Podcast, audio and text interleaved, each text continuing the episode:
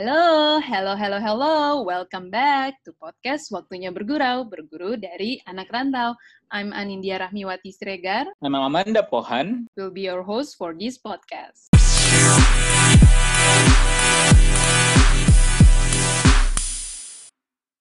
Hai, welcome back. Selamat datang di season 3 podcast Waktunya Bergurau. Nggak terasa nanti kita sudah masuk di season 3.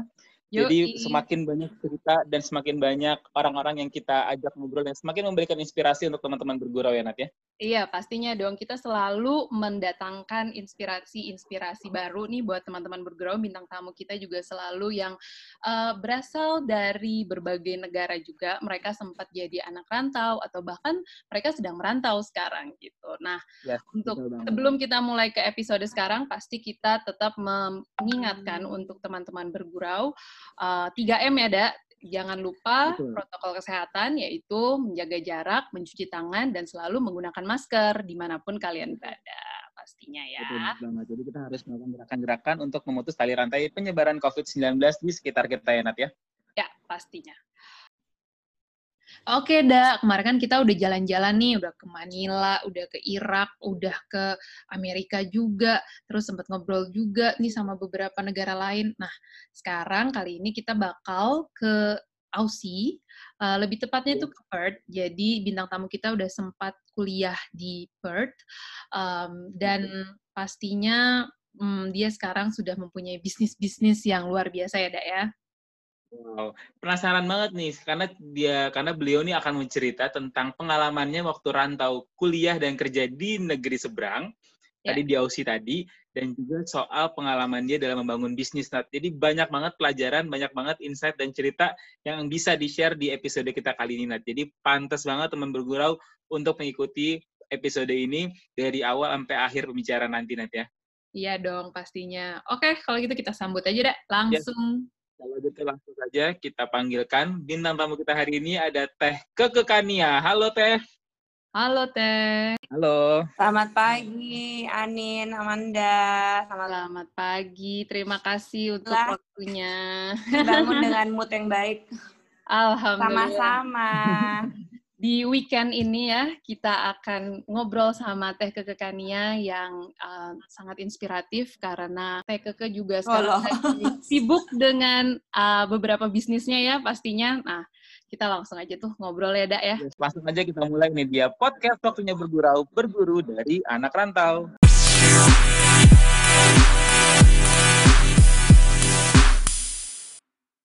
Oke, okay, Teh Keke, selamat pagi. Kita pagi ini ngobrol-ngobrol aja nih. Sebenarnya Teh Keke kan uh, dulu sempat kuliah ya dari uh, Aussie ini.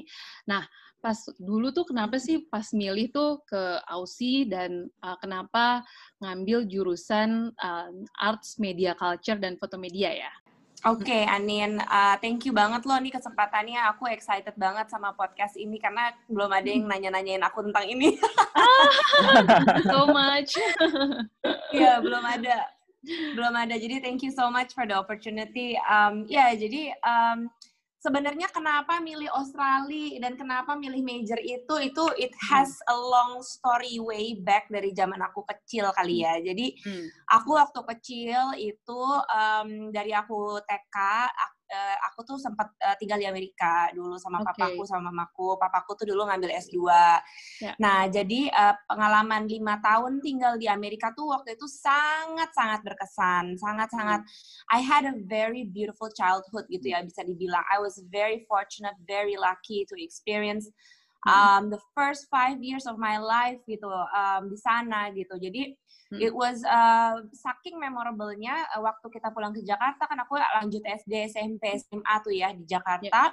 Hmm. Um, I kept wondering gitu, kapan ya aku bisa tinggal di luar negeri lagi gitu. I felt hmm. waktu kuliah, waktu waktu remaja, masa remaja hmm. aku tuh I wasn't that happy gitu. Nggak tahu kenapa ya, hmm. karena mungkin I kept wondering and I kept comparing the lives that I had gitu waktu masih kecil gitu kan yeah. hidup di Indonesia kan beda banget ya suasananya yeah. beda hmm. uh, apa uh, sistemnya beda uh, apa karakter orang-orangnya juga beda banget tingkat hmm. disiplinnya juga beda gitu kan jadi I always had this apa ya um, I always had this hunch gitu kayak kapan ya I need to go back I need to go back because I cannot live here gitu kayak I felt yeah. I I didn't feel belong gitu dari zaman SMP sampai SMA gitu mm-hmm. nah jadi waktu aku SMA uh, I had a I had quite a problematic uh, teenager oh, yeah. ya Ah. Okay. bukan sesuatu yang membanggakan, but ya bukan sesuatu yang membanggakan, tapi I I gave my parents quite a hard time lah gitu ya.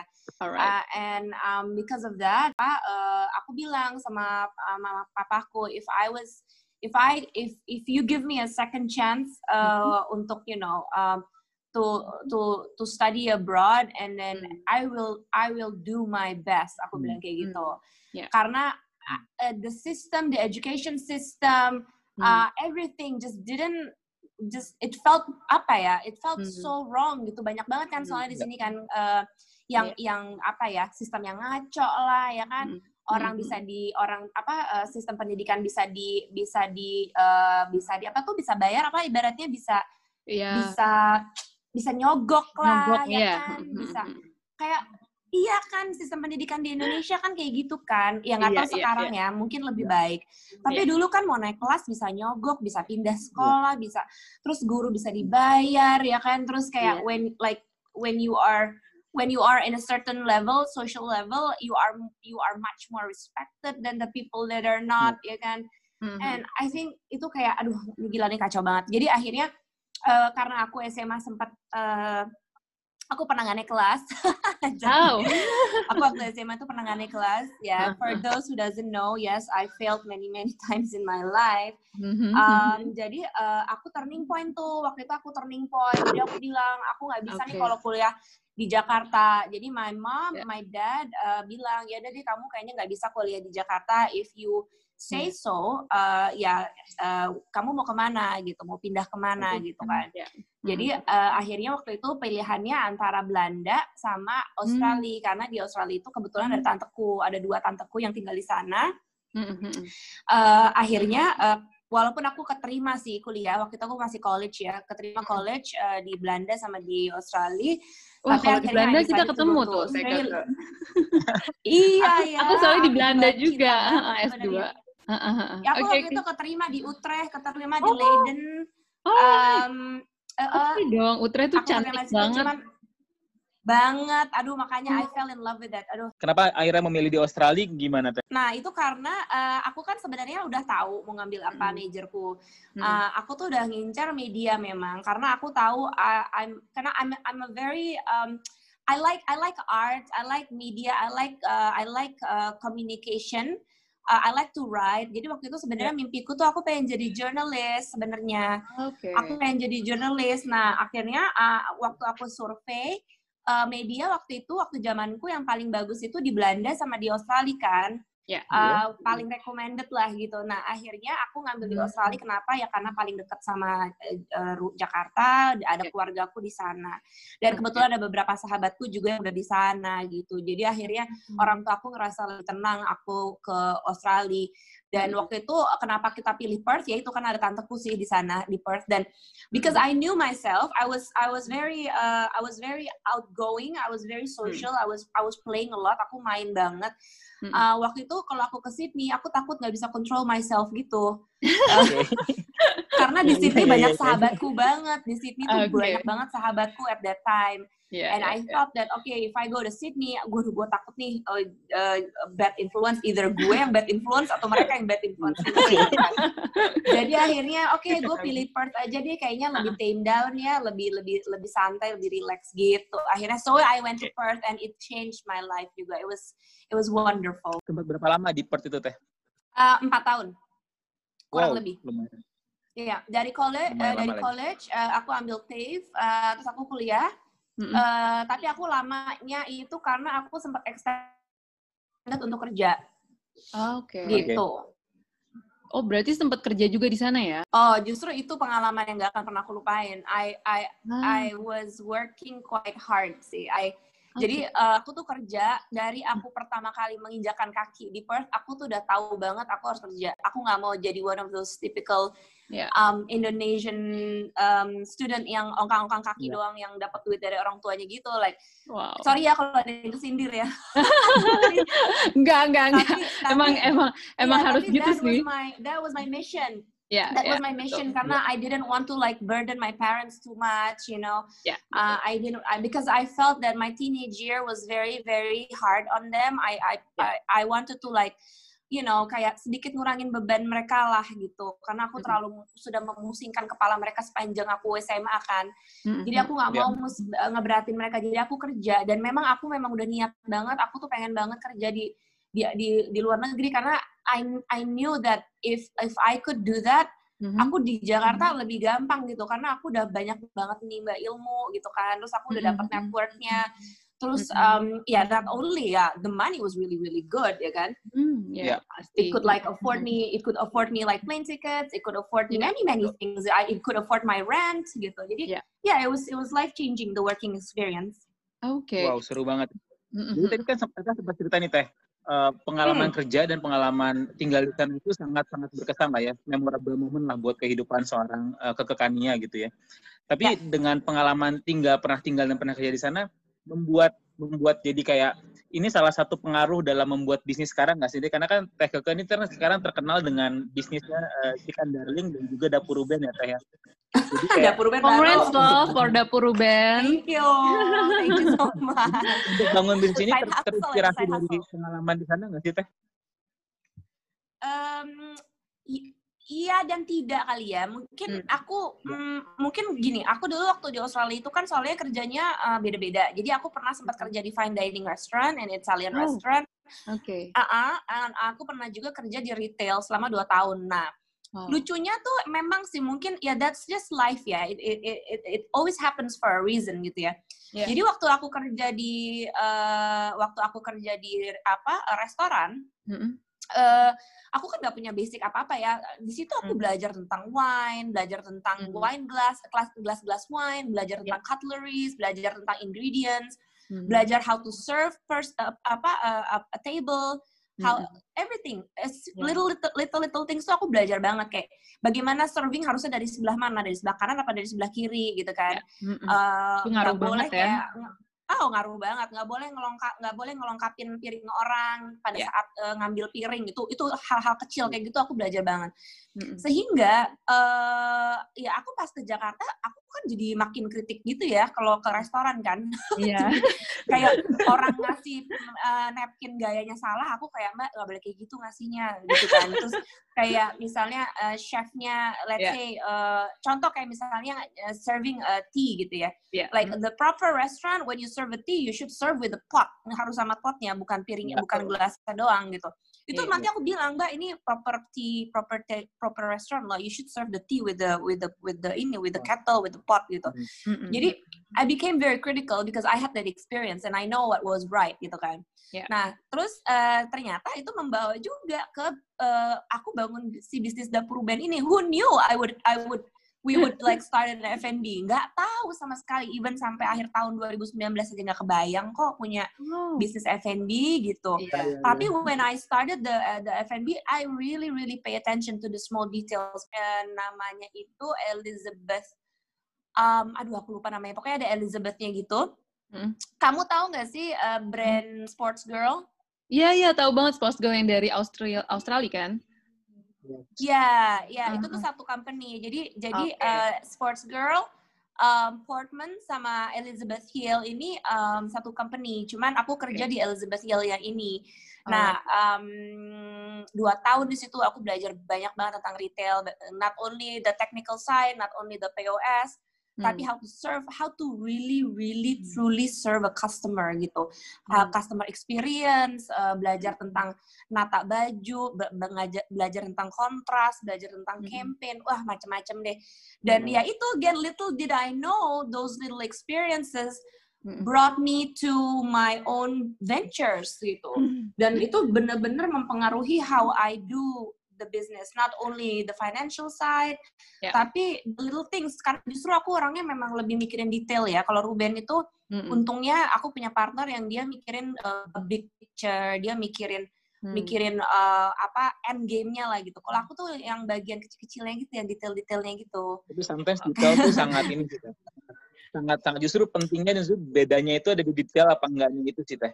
Iya. Exactly. Adanya ada di bedanya itu ada di yang membedakan kita sama brand lain itu iya. adalah yeah. di small little detailsnya, small gestures-nya, small personal touch-nya every little things itu yang bikin beda sama other people. Betul banget. Because that's what makes it you gitu. Iya, ya. benar. Dan itu your identity Setuju. juga gitu wow. kan. Identity banget ya, Teh. Ini baru-baru pembuka aja kita udah banyak belajar, Nat ya. Kita ini baru beberapa menit um, apa namanya luar biasa banget nih belajar banyak nih, Teh. Aku juga senang.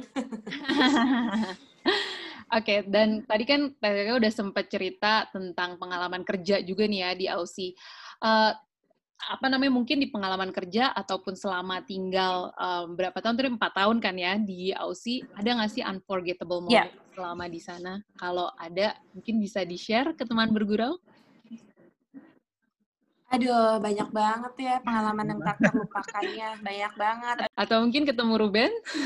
enggak, surprisingly enggak. Aku nggak ketemu Ruben di sana. Cuman, okay, aduh okay. banyak banget ya. Aku tuh, aku tuh kalau inget-inget zaman itu tuh kayak, aduh kayak antara pengen nangis sama bahagia sama, maksudnya nangisnya nangis terha nangis haru ya gitu. Yeah, kayak, yeah, yeah. Uh, aku tuh bener-bener, I was so I was so intoxicated kali ya with the idea of I always love living abroad gitu. Jadi kayak yeah. even today, even today I always say ke Ruben like Mm-hmm. I still want to go back, like you know, bringing the kids, giving them the same opportunity or giving them the, them the same experience like we had, gitu kan.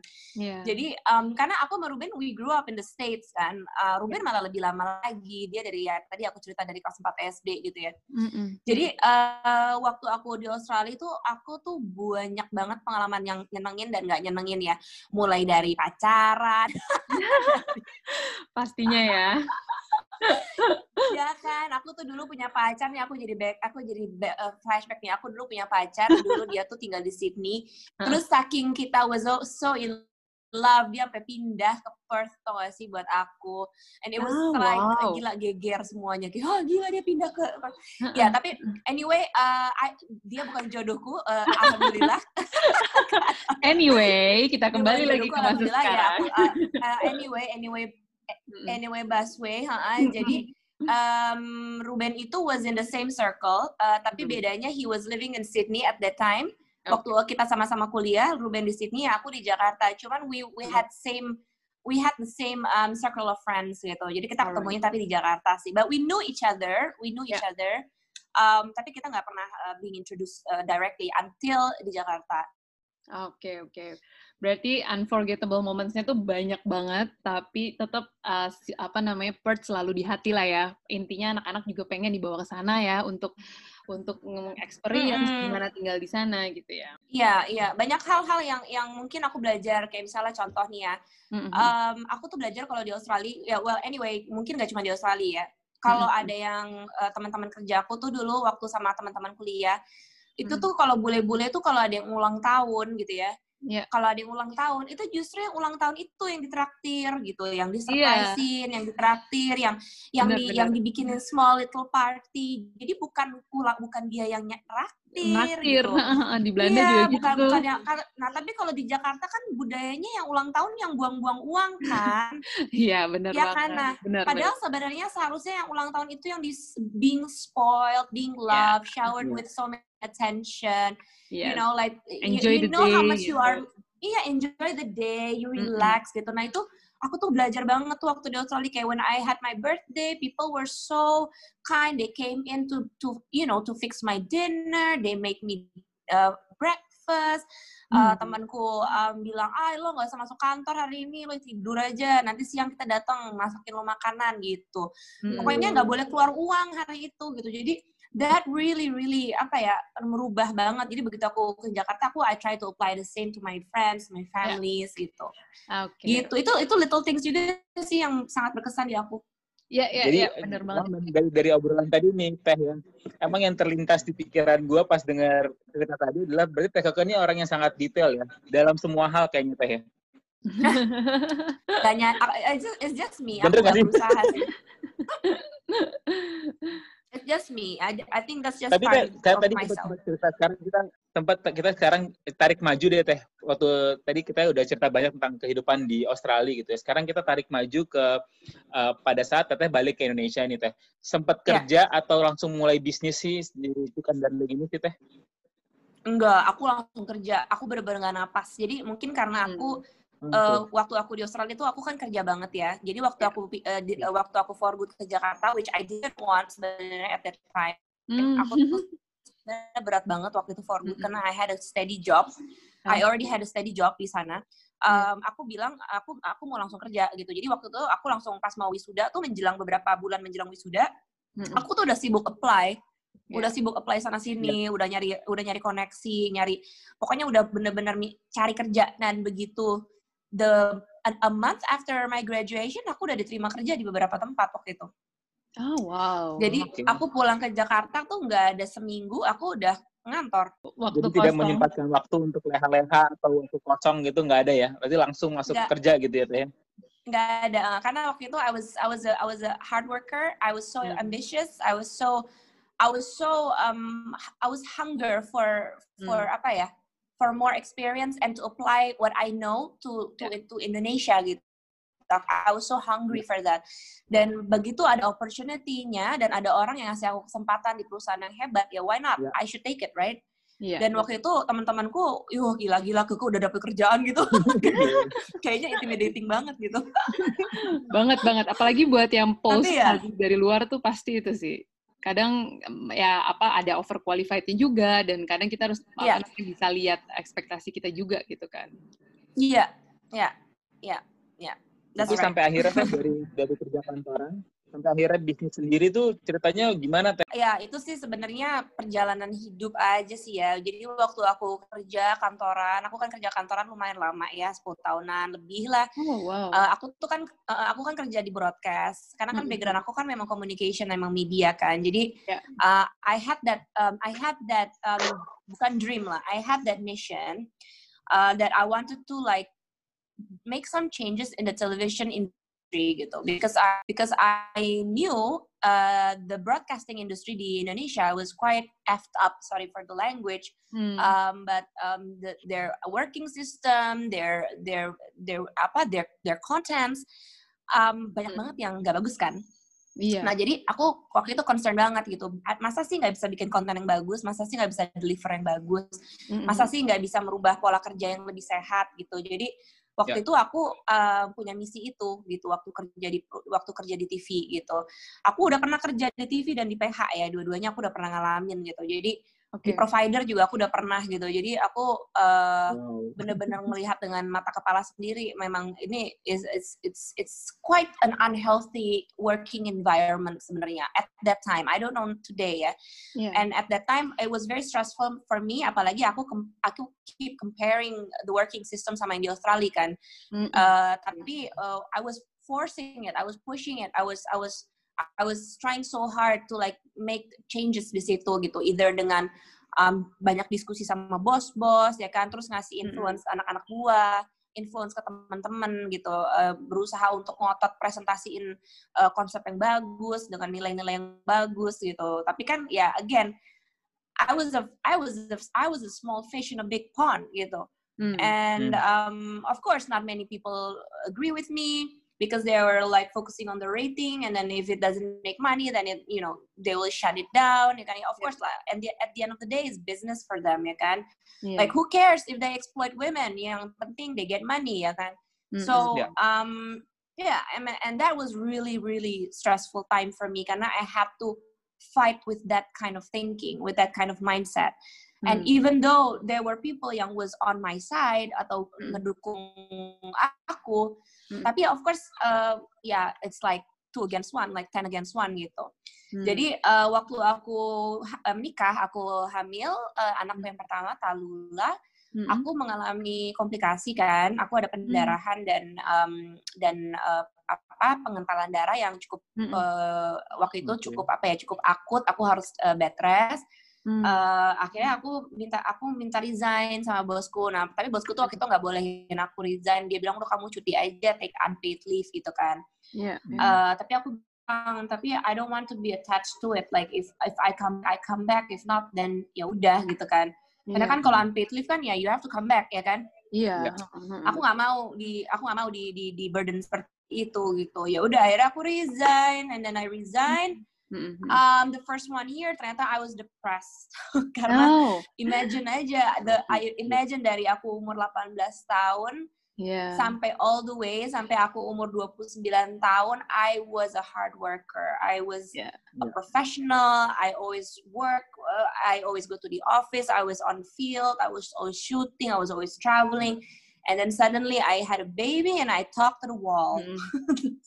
for a year gitu jadi oh, iya. because of that experience I wanted to like make something out of nothing dari rumah and then ya yeah, terlahirlah chicken darling gitu Wow, ternyata di saat-saat uh, apa namanya dark juga kita bisa bisa come up dengan ide baru ya dan akhirnya TKK come up dengan bisnis-bisnisnya ini gitu luar biasa. Uh, tapi iya, ya, ya pertama kali nih uh, apa namanya memulai ada perubahan ataupun check and darling nih ya waktu pertama kali tuh ada nggak sih strategi-strategi marketing khusus buat sampai uh, bisa langsung melejit gitu kan pembelinya tuh kayak langsung banyak banget gitu waktu check and darling waktu awal-awal dan gue juga ini ya, ya. Uh, pengguna check and darling ya apalagi jurnalnya tiap hari. Thank you Ani. Iya. tiap hari tuh ya jurnal itu selalu mendapatkan tumpahan-tumpahan otak saya gitu kan. Thank you so much. It means so much to me. Thank you.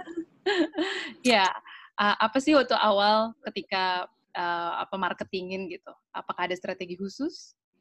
Hmm, sebenarnya it's not rocket science ya honestly uh, it doesn't it, it doesn't take someone very genius gitu untuk untuk untuk uh, start a business atau to make it uh, atau to make uh, to sell gitu ya sebenarnya nggak yeah. perlu cuman mungkin um, satu yang tadi mungkin uh, ya benar aku mungkin orangnya sangat detail. Jadi aku hmm. I love uh, paying attention to the smallest detail like even writing handwritten notes to my customers.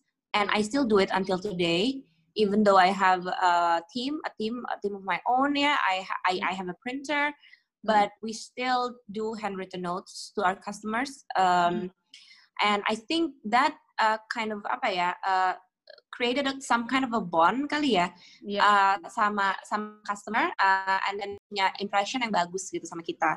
Jadi uh, waktu itu awal-awal bisnis terutama waktu Chicken Darling ya itu was something that I love doing gitu. Jadi waktu aku ngepak barang gitu ya, uh, aku tuh senang doing little things kayak semprot hmm. sedikit wangi-wangi ke bantalnya, okay. terus uh, sem uh, uh, uh, semprot wangi-wangi sedikit ke bantalnya, terus kasih kartu yang aku tulis sendiri, pakai tulis tangan gitu ya, terus aku oh, tempel oh, iya, stiker terus aku uh, apa uh, aku uh, begitu aku kirim aku biasanya langsung ngirim email terus bilang kalau mm-hmm. oh, thank you banget ya barang kamu udah berang, udah udah berangkat uh, mm-hmm. I really really appreciate your support karena I I I I was really honest with my story karena mm-hmm. um because at that time I needed I needed some kind of validation juga kan kayak eh, what I'm doing ini disukain gak ya gitu karena nggak yeah. bisa dipungkiri validasi dari orang memang memang nggak eventually jangan dijadikan patokan tapi tidak bisa dipungkiri orang itu butuh acknowledgement ya nggak iya nah, banget dan ya kan khawatir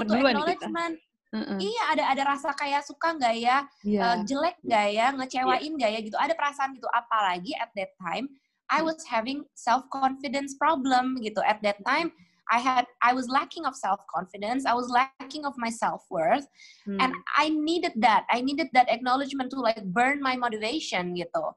Yeah. Jadi um, when I asked them like uh, you know like gue mulai ini karena I needed something to start at home. I'm really struggling yeah. right now. That really means a lot to them gitu. Dan dan dan jadi share dan benar-benar ngasih real feedback dan akhirnya mereka jadi punya special bond sama kita dan itu yang akhirnya menjadi snowball effect akhirnya gitu. Okay. Akhirnya ya that method and that technique I also it ke dapur band gitu. Iya, yeah, iya. Yeah, itu betul, sih dan mungkin itu bukan suatu teknik yang mahal atau ekstravaganza ya sebenarnya gitu.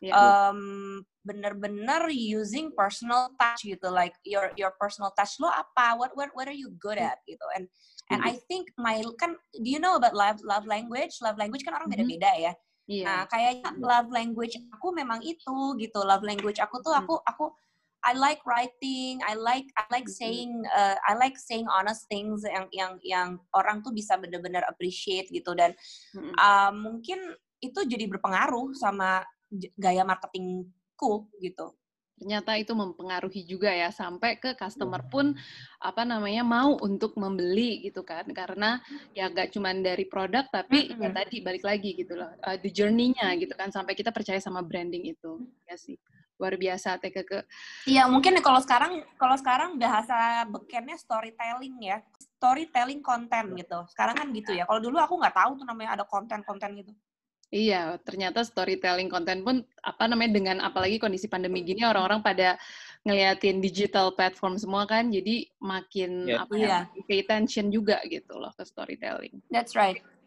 Oke. Okay. That's right. Oke, okay, Teh. Kita lanjut lagi, Teh, ya, di pertanyaan kita berikutnya nih, Teh. Kita kan uh, mungkin di season ini, Teh, di season 3, mungkin kalau kita mau sedikit ngasih info ke Teteh, bahwa di info tiga, di season 3 ini kita lebih memberikan masukan dan insight-insight kepada teman bergurau yang sedang membangun bisnis di tengah pandemi kayak sekarang nih, Teh. Karena kan mungkin rintangannya dan tantangannya lebih besar nih dibandingin dalam kondisi normal sebelumnya gitu, Teh. Ya. ya. Jadi uh, kita mau tahu dong teh ada nggak sih teh pengalaman dari seorang uh, kekekania gitu ya dalam membangun bisnis teh? Dalam menghadapi komplain atau negatif komen dari customer teh? Karena kan nggak oh. semua hal nggak sesu pasti nggak semuanya sesuai sama uh, mau dari pembeli atau pasti ada yang kurang lah gitu. Cara hmm. ngadepinnya gimana? Wah itu it's my expertise tuh. Oh wow. That's why aku ngaku banget ya. teman bergaul ya, harus jadi, pay attention aku uh, aku pengalaman banget ya sama yang namanya komplain. Uh, mulai dari Chicken Darling sampai sekarang nih dapur Ruben nih ya. Mm-hmm. Uh, apa namanya? Buat aku sih simple aja ya. How would I as a customer wanna be treated? Kalau misalnya aku lagi kecewa atau aku lagi bete atau aku lagi kesel gitu ya.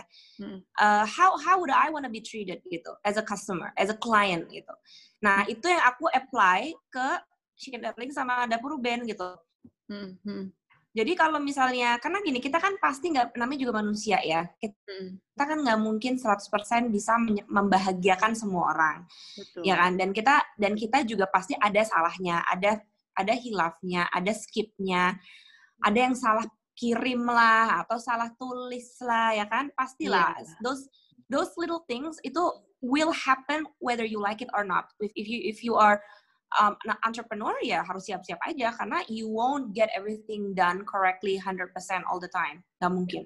Yeah. Nah, tapi when things when you when you make a mistake atau when you are um, not able to apa ya to deliver sebaik mm-hmm. yang lu bisa gitu, hmm. pasti akan pasti akan ada backlashnya, pasti akan ada komplain. Nah, what do you do now? Hmm. Jadi fokus on the solution. Jadi instead of baper, hmm. supaya jadi down karena banyak uh, teman-teman bisnisku yang baru mulai ini uh, mereka kayak udah dikomplain sedikit mereka down. Mereka hmm. mereka jadi malu. Terus kalau nggak sibuk ngapusin komen, ya kan? Komen-komen hmm. komplain tuh dihapus.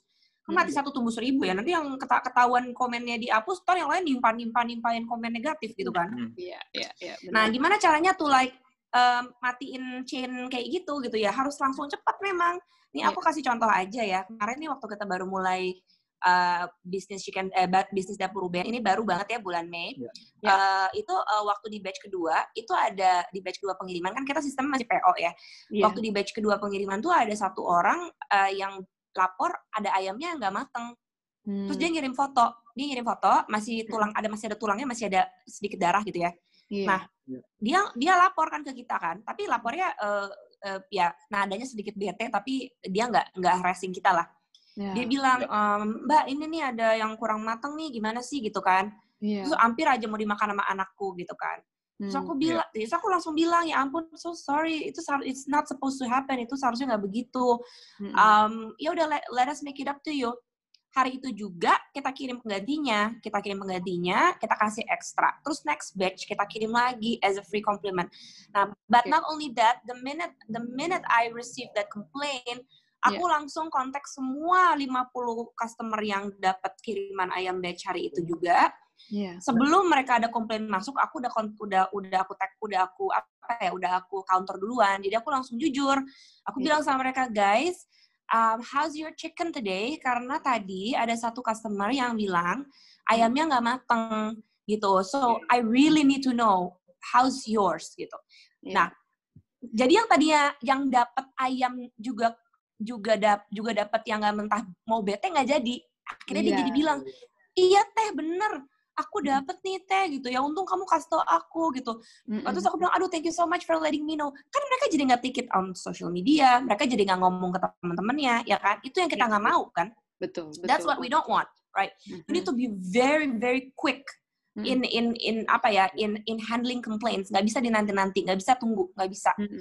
jadi harus langsung begitu yang nggak dapat ayam yang yang mentah yang bagus hmm. mereka malah bilang alhamdulillah teh aku dapat yang bagus aku nggak aku nggak kok semuanya aman everything was perfect everything was delicious gitu hmm. but thank you for letting me know gitu mereka bener-bener appreciate banget gitu dan akhirnya those people jadi became repeating customers sampai until today gitu. Ah, nah, okay. itu itu itu salah satu contoh ya. Jadi you have to be yeah. very prompt sama complaints, nggak bisa nunggu ya. Yeah. Nah, terus ini baru aja nih kejadian beberapa minggu terakhir ini kan kita kan kewalahan ya sama order yeah. PO ini karena hmm. uh, ibaratnya uh, uh, kuotanya sedikit tapi demandnya uh, 10 kali lipat gitu. Iya, gue PO ini good... kok PO 30 hari buat si butter buttermilk fried chickennya gue PO 30 hari, Bo, dan gue tunggu.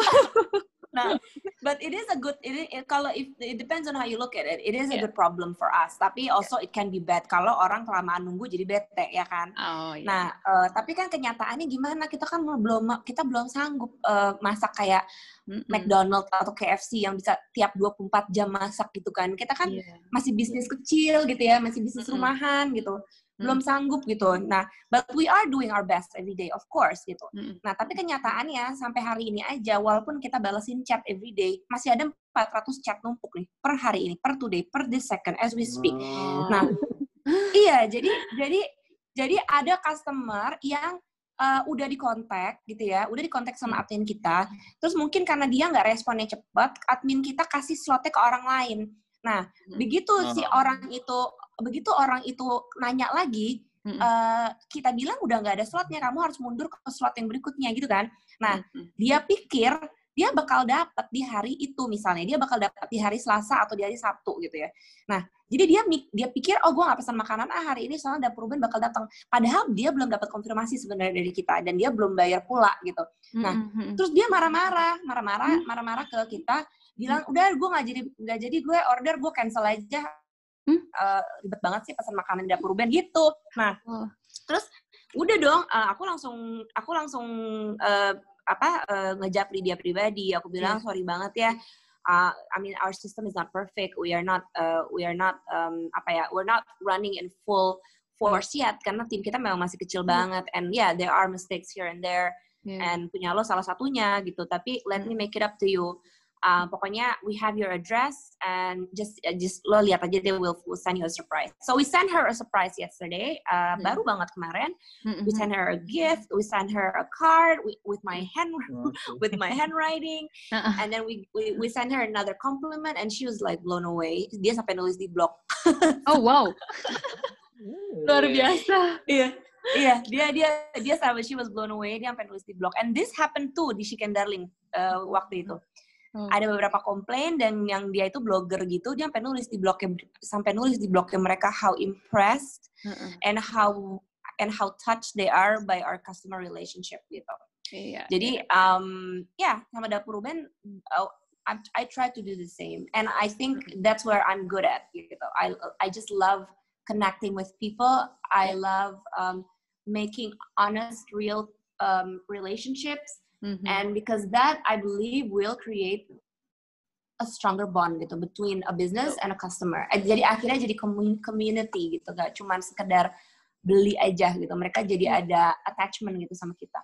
Bener ya, banget. Jadi bukan gitu. Mm-hmm. Personal. Customer penjual mm-hmm. gitu ya teh ya. Iya.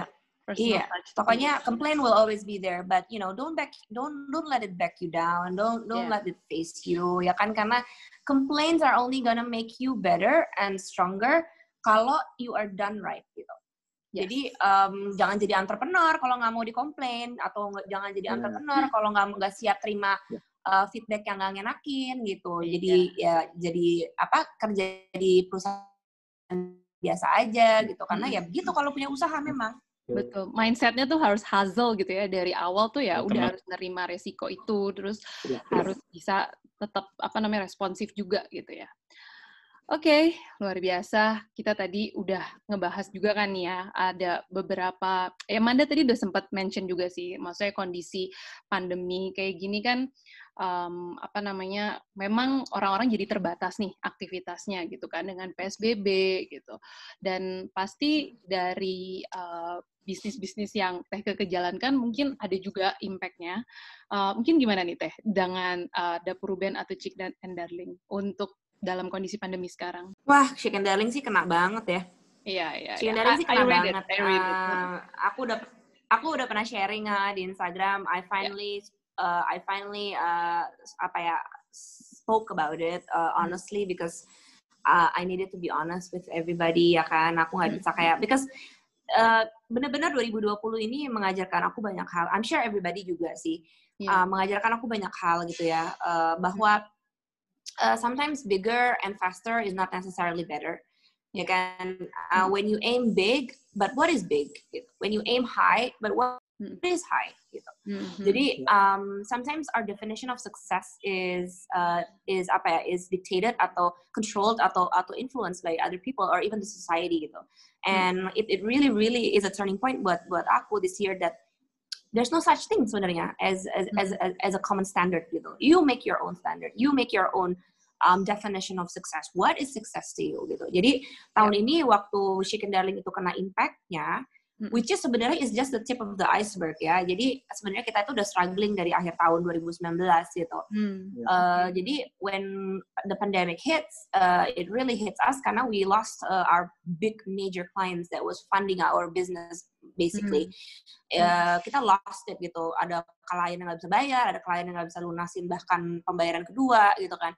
Hmm. Yang tadinya major major event atau major campaigns yang bisa bisa bikin kita survive sampai akhir tahun 2020 nggak hmm. uang yang nggak masuk gitu kan jadi hmm, okay. there was massive massive uh, inilah apa uh, problem lah gitu yeah. dan itu benar-benar bikin aku uh, ya of course down nggak bisa dipungkiri aku down aku stres aku hmm. aku ngerasa gagal ya sebagai orang sebagai entrepreneur gitu aku gila I feel yeah. like what did I do what did what, where did it go wrong gitu ya kok hmm. bisa kayak gini gitu tapi again um I don't want to like dwell on it too long karena I know if I dwell on it too long it's going to consume me gitu. Akhirnya akhirnya aku jadi kayak uh, ya aku nggak mau kayak waktu aku depresi 2013 itu gitu loh. Kan aku udah pernah ngalamin postpartum depression ya.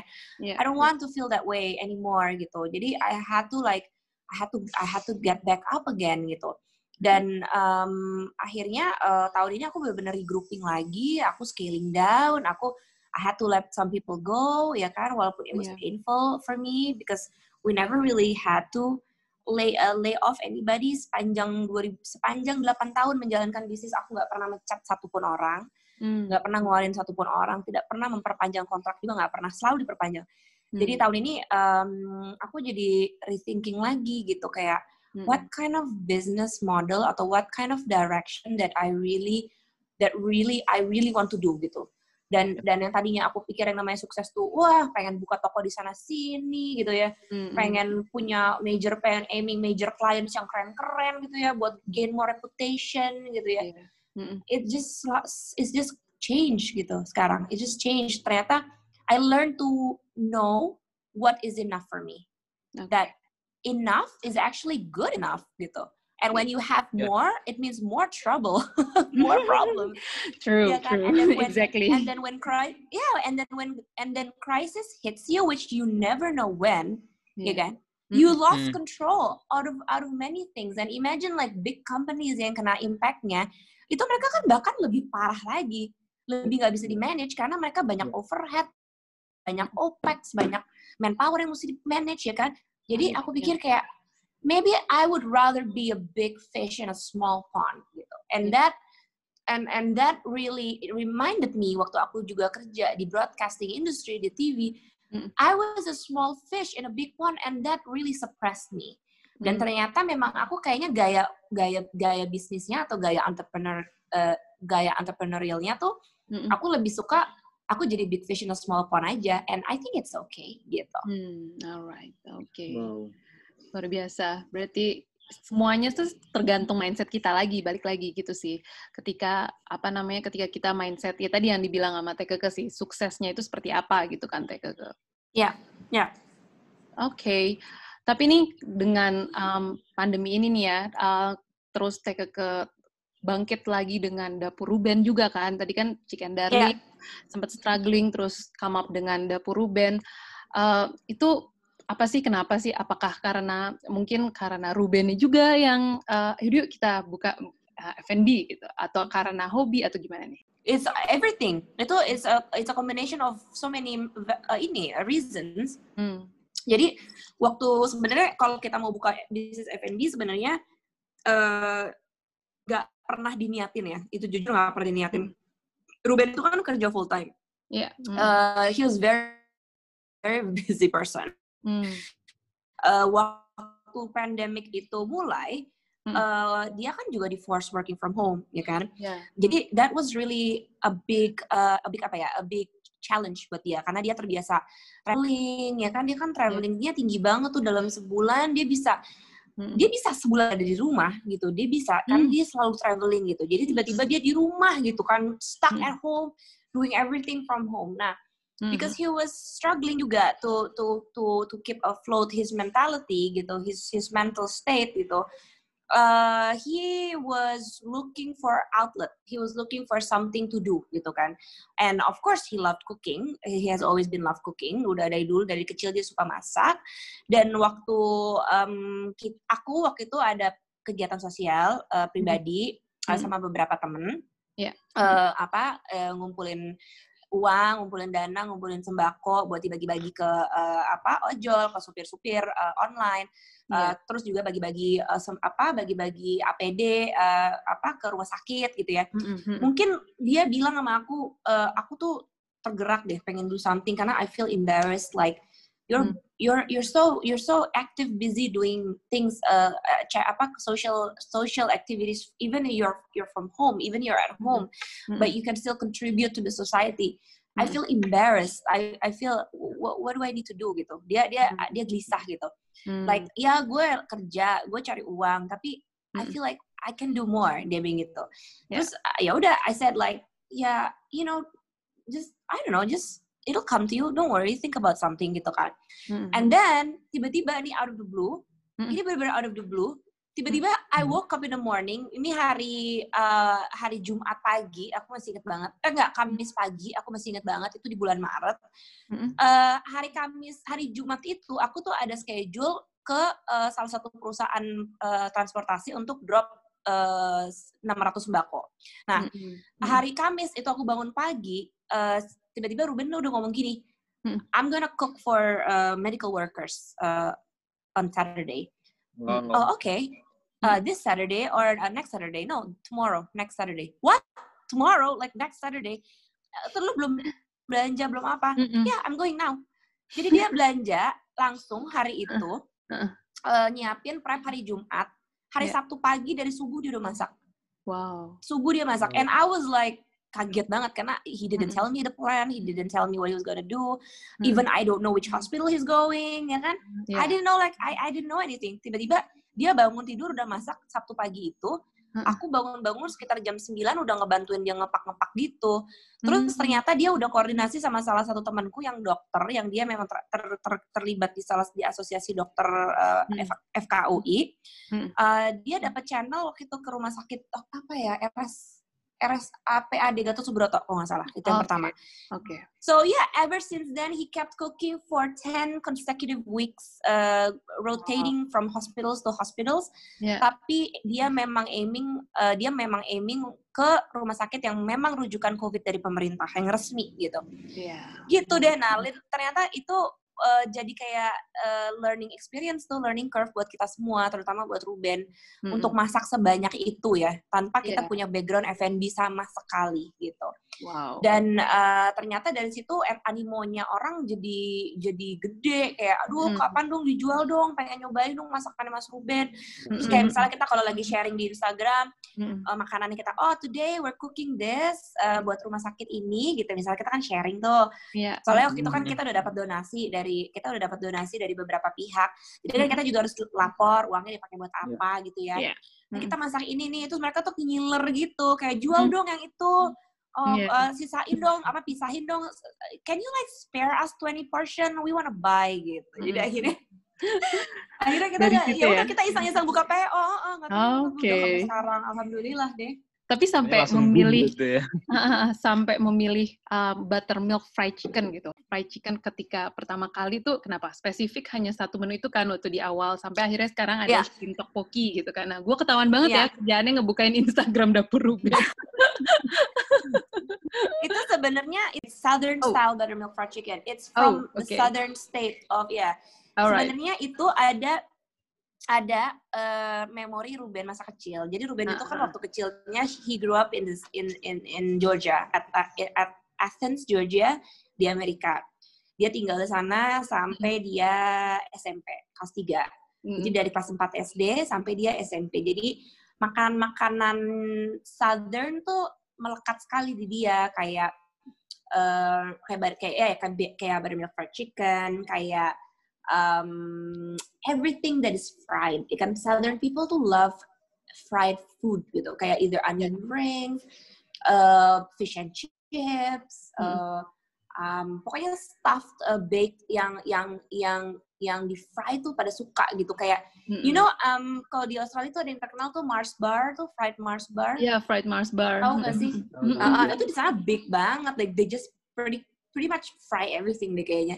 Hmm. Jadi uh, Ruben tuh grew up eating buttermilk fried chicken itu hmm. salah satunya. Jadi dia berkesan sekali sehingga itu salah satu menu favorit kita di rumah. Hmm. Jadi dia juga suka bikin buat anak-anak gitu. Hmm. Nah, ya udah dari situ akhirnya dia iseng nawarin, ada yang mau nggak nyobain buttermilk fried chicken gue? Hmm. And it just uh, itu off gitu. Kita juga gak nyangka sih responnya. Hah? Ternyata responnya kita gak nyangka responnya. Mm-hmm. Iya, sama sekali nggak nyangka. Kita kan waktu mulai bisnis nggak ada ekspektasi apa-apa iya, sebenarnya. Yeah, yeah, yeah. Tapi ke depannya apa nih? Next uh, roadmap for Dapur Ruben? Mungkin bisa dikasih tahu ke teman-teman bergurau? Um, Jangan semuanya, Teh. Aduh, tunjuk, gimana tunjuk aja, Teh. Nanti pada Kenapa? bikin dapur-dapur juga, Teh. um, what's next for Dapur Ruben? Pastinya we're gonna have more food, more menus right. coming up ya. Right. Um, kita belum bisa, kita sih sebenarnya cita-citanya pengen buka untuk dine in ya, tapi uh, kenyataannya realitanya kan kita belum bisa buka untuk dine in. So yeah. We're going to we made peace with that and that's fine uh, karena yeah. alhamdulillah online tiap hari juga jalan. Hmm. Uh, we want to like um, we want to grow, but we want to grow at our own pace.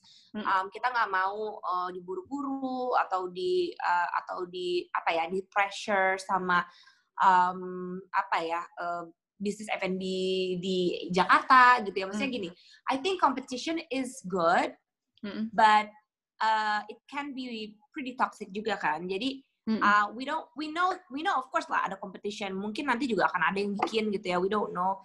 Tapi um, we believe in our values aja gitu. Kayak kita percaya kenapa alasan kita bikin ini dari awal itu akan menjadi akar uh, kita ngejalanin bisnis ini ke depan gitu. Jadi kita harus selalu ingat kenapa kita mulai, why we started gitu. And I think yes. and I think um, that's also an important key to mm-hmm. anybody who wants to start their business. They should always start and remember and remind themselves of the why. Why do you start? Kenapa lo mulai bisnis itu dari awal?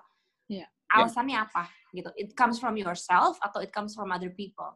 Mm-mm. When it comes from yourself, yeah, hopefully any challenges, anything yang that's gonna come to you, you can, you know, you can overcome it gitu. Yeah. Yes. Gitu Luar sih. Biasa. Oke. Okay. Wow. Luar biasa sih. Teh honestly sebenarnya kita masih banyak banget pengen ngobrol sama Teh nih, tapi mungkin karena durasi Teh, jadi yes, of course. kita mesti sudahi dulu episode ini. Tapi ini luar biasa Teh, kita banyak banget pelajaran dan insight-insight dari seorang Teteh Keke ini untuk teman-teman bergurau pastinya ya. Untuk uh, last question kita nih Teh, mungkin sedikit untuk penutup lah Teh ya. Uh, ada nggak ya. sih yang bisa Teteh share ke, mungkin kita fokus ke ibu rumah tangga gitu ya, seorang ibu rumah tangga yang pengen bangun bisnis sendiri entah itu dari rumah ataupun uh, di luar gitu ya. Tapi tidak mengganggu aktivitas keluarganya tuh mungkin ada masukan nggak sih atau ada sedikit pengalaman dari seorang teteh nggak sih? Mungkin gini ya kalau jadi udah jadi ibu itu kan memang uh, agak kompleks ya. Yeah. um, there are certain priorities gitu yang kita kita pikir kita rasa harus harus selalu dijaga gitu kan. Mm. kayak ya keluarga nomor satu benar Ya. Uh, tapi banyak ibu-ibu di luar sana, ya nggak usah jauh-jauh lah, termasuk aku dulu, hmm. uh, yang selalu merasa kita itu sebagai ibu itu harus memberi, harus banyak nourishing gitu, harus banyak nurturing gitu, harus giving giving everything we can for other people. Who is that other people ya? Our husband, ya our children, ya kan, our family gitu. Kita tuh kayak seolah-olah terlahir dengan mindset kita itu harus harus jadi pemberi gitu, ya hmm. ya kan? Yeah. Padahal sebenarnya enggak, sebenarnya hmm. enggak. We need to change that mindset. Hmm. We need to give ourselves first, gitu. We need to give ourselves first. We deserve that. We deserve that love. Hmm. If we yeah. are, if we are feeling loved by ourselves, if we are full, gitu ibaratnya, our emotionally, our mentally, uh, spiritual kita full, then kita bisa kasih ke orang lain. But when we give too much to other people without taking care of ourselves, mm-hmm. we are it is going to drain you quickly. You're going to stress out, you're going to burn out, and you know who's going to get the bad side of you? Your kids at home. Yeah. And that's mm. dangerous. Your kids will get the bad the bad side of you. Your kids will get the the the apa ya, the what's left of you and they don't deserve what's left of you. ya kan mereka nggak mereka nggak deserve that gitu mereka pulang mereka nungguin ibunya pulang dari kantor dari bisnis dari mana mereka looking forward to see their mom and then what they get is dimarah-marahin gitu.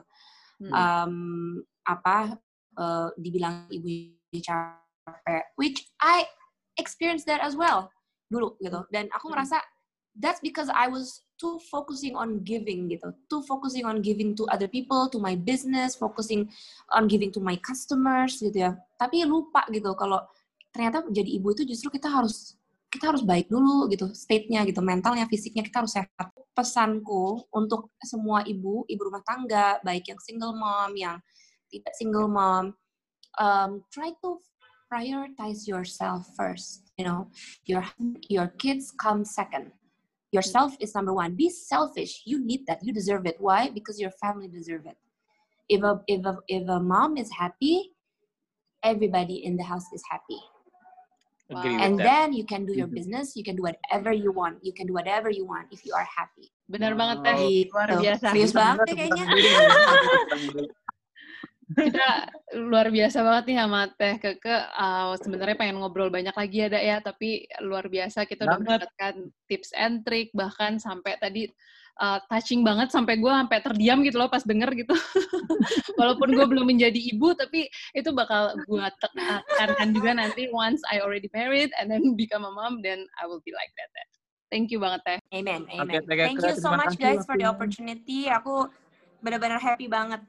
Alright. Thank you sama-sama teh. Thank you banget Teh Keke buat waktunya yang udah share sama kita nih cerita-cerita, pengalaman, bahkan sampai pengalaman yang uh, luar biasa banget nih pas waktu SMA. Kayaknya baru pernah diceritain sama Teh Keke di uh, episode kita loh, Da. Jadi, we are very honor uh, untuk mendengarkan dari cerita-cerita Teh Keke ini ada ya. Betul. Jadi selain teman bergurau yang mendapatkan insight, kita berdua pun juga dapat pengalaman dan insight-insight yang baru juga buat kita berdua ya, Nat ya. Iya, pastinya dong. Jadi belajar banyak juga gitu. Luar biasa deh pokoknya teman bergurau. Yes, kalau gitu teman bergurau, terima kasih sudah mendengarkan episode ini. Dan jangan lupa, saya juga mengingatkan untuk terus menyaksikan episode-episode kita sebelumnya. Bisa didengar di Spotify dan juga bisa disaksikan di YouTube channel kita di podcast Waktunya Bergurau. Iya. Oke, okay, kalau begitu untuk saat ini sampai di sini dulu ya teman bergurau. Sampai berjumpa lagi di episode selanjutnya podcast Waktunya Bergurau. Anindya Siregar. Amanda Pohan, dan jangan lupa dengerin terus our podcast Waktunya Bergurau, Berguru dari Anak Rantau. Bye guys! Bye-bye, stay healthy!